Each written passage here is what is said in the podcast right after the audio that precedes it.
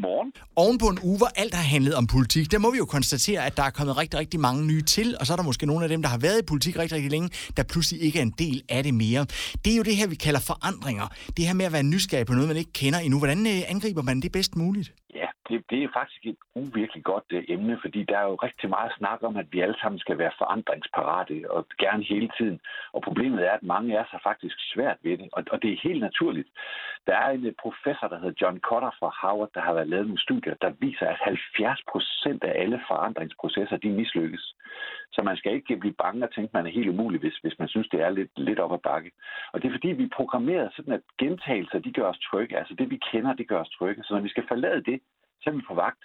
Så scanner man lige situationen, og så begynder hjernen at forestille sig, hvad der kan gå galt. Også noget, der slet ikke er realistisk. Sådan nogle kollegaer kender I sikkert. Det gør vi. Øh, og det er jo en evne, der er ret smart, hvis man står over for noget, der kan blive farligt.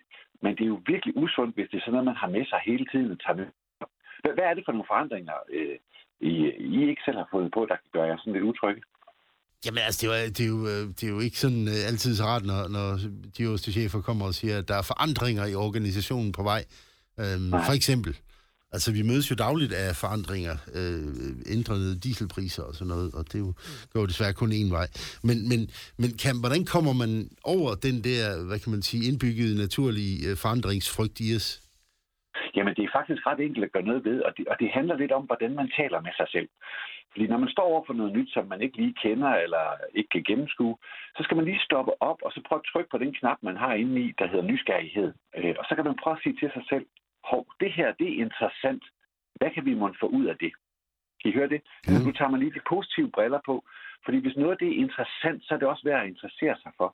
Og hvis man har fokus på, hvad man kan få ud af det, så kigger man automatisk efter fordele og gevinster, i stedet for det, der er farligt.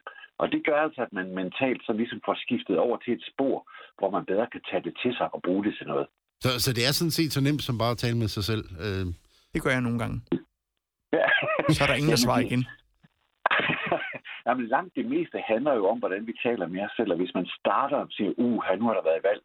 Allerede bare det, man siger, uha. Eller, uha, nu skal Mette Frederiksen fortsætte. Eller, uha, nu skal vi have en helt anden. Så har man ligesom primet sig selv, eller puttet sig selv ind i sådan en stemning, hvor man kan mærke, hey, det her, det bliver ikke godt. Hvis man i stedet for vender det om og siger, hov, det bliver spændende. Det er interessant, det her.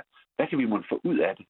Så får man den der positive tilgang, som, øh, som kan redde en fra at få øh, ja, vi er virkelig dårlig humør. Ikke? Og nu vil jeg faktisk øh, fortælle dig en god ting, fordi nu siger du reddet, og jeg kan faktisk se her, at du er kommet over spærregrænsen, så vi ringer til dig igen om nu.